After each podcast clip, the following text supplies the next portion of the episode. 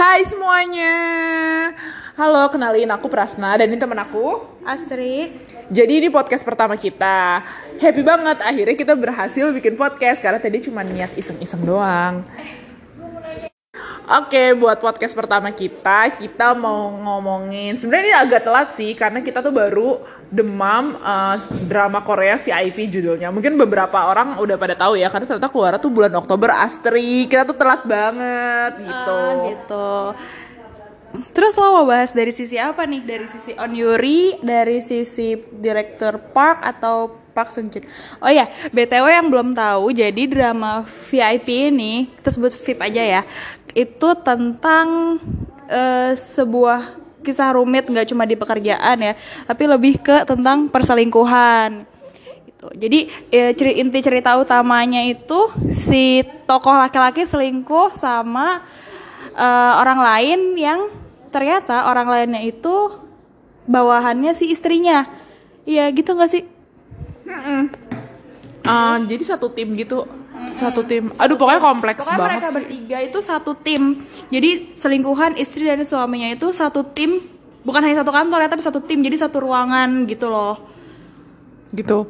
Nah, Nah, ya. Eh, kalau gue sih mau ngebahas dari sisi filmnya dulu. Pertama, ini film eh, gue suka sih. Kenapa? Karena dia itu, gue mikirnya kalau drama Korea itu kan eh, kayak receh-receh, menye-menye, terus kayak eh, straight to the point. Ini tuh enggak, ini tuh enggak. Jadi kita tuh dibawa mikir. eh, Jadi kita tuh cuma dikasih gini, clue-nya pertama tuh si istrinya ini dapat pesan kalau misalkan Uh, dia bilang suami kamu berselingkuh sama orang di tim kamu, which is di timnya dia itu ada uh, empat uh, empat cewek ya, ada empat cewek termasuk sama si uh, ini kan, ada empat cewek termasuk sama si Istri. istrinya, jadi ada tiga, ada tiga. Nah sepanjang episode itu kita disuruh mikir nih, kira-kira siapa? Karena emang banyak ba- banget adegan-adegan yang bikin kita tuh kayak suspekin satu orang, tapi ternyata eh bisa juga ini, bisa juga ini gitu itu sampai episode ke-15 tahu gue iya nggak sih 15 nggak sih itu belum ketahuan loh siapa ininya banyak banget suspeknya iya kan Tapi kalau gue sih ya, mungkin menurut kalian-kalian di sana yang udah pernah ngerasain gimana rasanya dilakor, pasti udah tahu dari awal siapa nih suspek utamanya. Karena gue udah dari tahu udah dari awal banget lah, nih pasti dia nih gitu. Ternyata memang Tara tidak mengagetkan lagi. Oh emang Astri pernah ya jadi korban dilakor? Ups sorry guys ternyata ini podcast aku lupa. Ke share deh iya kalau misalkan menurut gue sih itu dari alur ceritanya tuh seru. Terus kalau misalkan dari dari tokoh-tokohnya dulu ya tadi yang kita bilang jadi tokoh utamanya itu ada direktur Park Jing Sun terus istrinya namanya Nona Na Jungsun, Na Jungsun. Park Sung Joon, Nona Na Jungsun ya Allah. ya. sorry sorry. Lagian gue bingung deh sama drama Korea kenapa sih namanya harus mirip-mirip? Udah mah mukanya mirip namanya mirip. ya sorry guys kita emang soalnya nggak Korea fan girl banget nih. Maaf maaf aja. Tapi ini sumpah seru banget drakornya lo harus nyoba. Terus abis itu hmm, Terus habis itu eh mungkin kita terlalu spoiler ya, tapi nggak apa-apa nggak apa-apa sih. Maksudnya kan kalian nggak tahu yang mana gitu kan. Itu wajib Oh, si si pelakornya si Gundik kalau bahasa sekarang yang lagi innya tuh Gundik.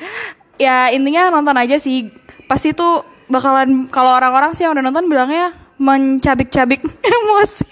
Tapi nih ya kita mau eh jangan bahas itunya aja Astri. Menurut gue ya yang paling penting itu kayak ada nggak hal-hal yang relate di diri lo dan kayak ada tokoh. Kalau gue nih ya setelah gue nonton itu pertama emang gue nggak suka sih ya sama On Yuri si pelakornya. Tapi gue juga sebel banget sama suaminya karena menurut gue itu cowok tuh bener-bener nggak punya pendirian dan kayak sumpah lo tuh bener-bener aneh. Aduh gue kesel banget sama perannya ya gitu loh. Jadi maksud gue cowok kayak gitu tuh nggak banget gitu. Lo tuh udah dihadapkan dalam masalah terus lo udah mah lu salah lu selingkuh terus bisa bisanya lu memilih selingkuhannya gitu.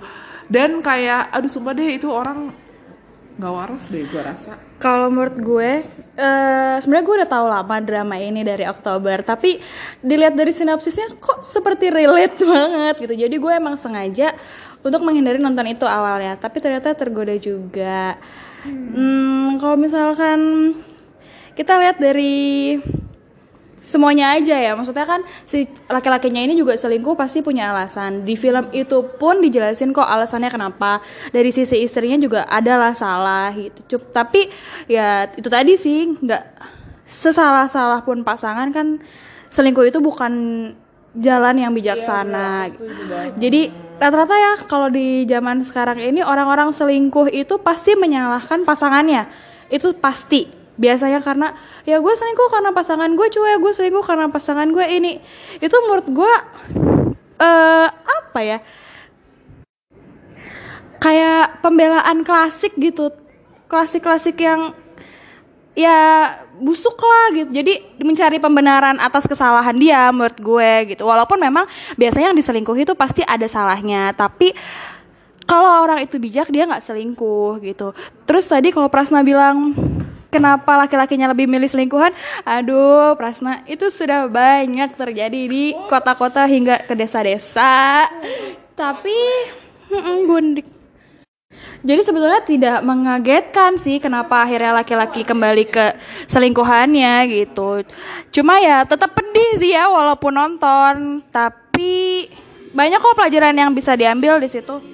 Ya menurut gue menurut gue banyak banget pelajaran bisa diambil. Itu tuh sebenarnya uh, refleksi juga sih karena di situ kan dijelasin juga ya kenapa sih cowok itu alasannya selingkuh walaupun tadi udah dibilang kalau semua selingkuh itu nggak ada dibenerin apa nggak pernah ada yang membenarkan alasan apa pun. Tapi bisa juga sih ngerefleksiin diri kalau suatu saat lo ada di posisi itu ternyata ya emang untuk instrope introspeksi introspeksi introspeksi diri itu penting banget. Aduh sorry banget. Aku soalnya aku tuh suka silat lidah.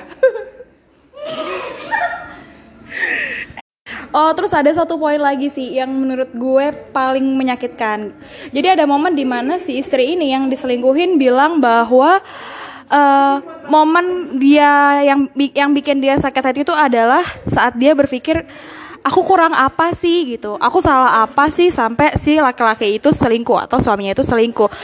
Uh, emang sih dari sekian banyak korban perselingkuhan yang menghancurkan si korban itu bukan saat melihat laki-laki tuh pergi sama perempuan lain gitu loh. Tapi memang uh, rata-rata korban ini jatuh ke dalam fase depresi saat dia merasa bahwa dia salah gitu. Bahwa dia tuh laki-laki tuh selingkuh karena gue banyak kurangnya nih kayak gitu loh. Jadi itu yang yang paling bikin paling banyak bikin korban tuh depresi gitu.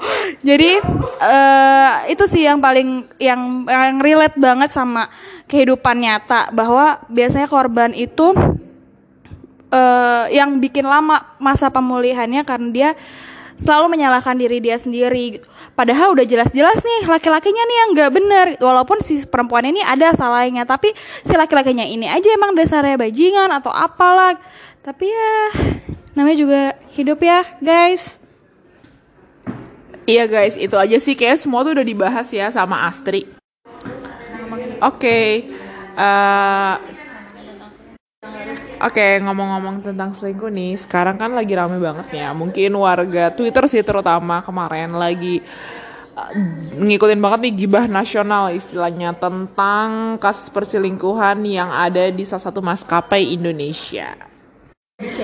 Iya, lagi rame banget kan gitu. Sebenarnya awalnya bukan fokus ke perselingkuhan ya, tapi kan awalnya karena ada uh, pesawat yang membawa barang yang tidak seharusnya ada di situ. Tapi karena ada salah satu akun Twitter yang menguak semuanya betapa bobroknya suatu perusahaan yang relate dengan ya itu tadi gundak gundik gundak gundik itu. Jadi orang akhirnya lebih fokus pada gundiknya. Sebenarnya sih ada positif dan ada negatif ya ada yang cerita itu keluar tapi kasihan juga sih akunnya katanya dilaporin kan ke polisi gara-gara itu. Gue juga awalnya pas baca di awal waduh berani banget nih akun nggak nyensor nama nggak nyensor um, perusahaan gitu. Tapi gue yakin sih dia udah tahu konsekuensi di awal dia tidak mensensor itu semua. Kan nggak mungkin ya dia dia nggak takut sama UU ITE kalau memang dia nggak tahu gitu. Gue yakin banget sih dia tahu. Makanya sekarang juga dia santai-santai aja. Udah dilaporin pun thread itu masih ternyata udah stop nih threadnya tapi akhirnya berlanjut lagi gitu. Uh, kalau misalkan kita bahas soal gundik ya semua orang pasti punya alasan ya. Semua orang melakukan sesuatu itu pasti ada alasannya. Mungkin memang gundik ini tidak bermaksud awalnya mungkin ya kita nggak tahu. Atau mungkin memang butuh uang kita juga nggak tahu gitu. Kan nggak bisa menilai hanya dari cerita si A doang gitu yang kita nggak tahu bener apa nggak sebenarnya gitu. Cuma kalau memang benar seperti itu menurut saya sih itu suatu hal yang tidak bisa dibenarkan ya. Apalagi itu kan memakai uang negara. Makanya ada satu meme yang bilang itu mukanya muka negara tuh kayak gitu kan. Tapi ya namanya juga manusia apalagi laki-laki. Kan bener tuh kata pepatah saat lo punya harta tahta biasanya godaannya kan di wanita semoga masalahnya cepat selesai ya.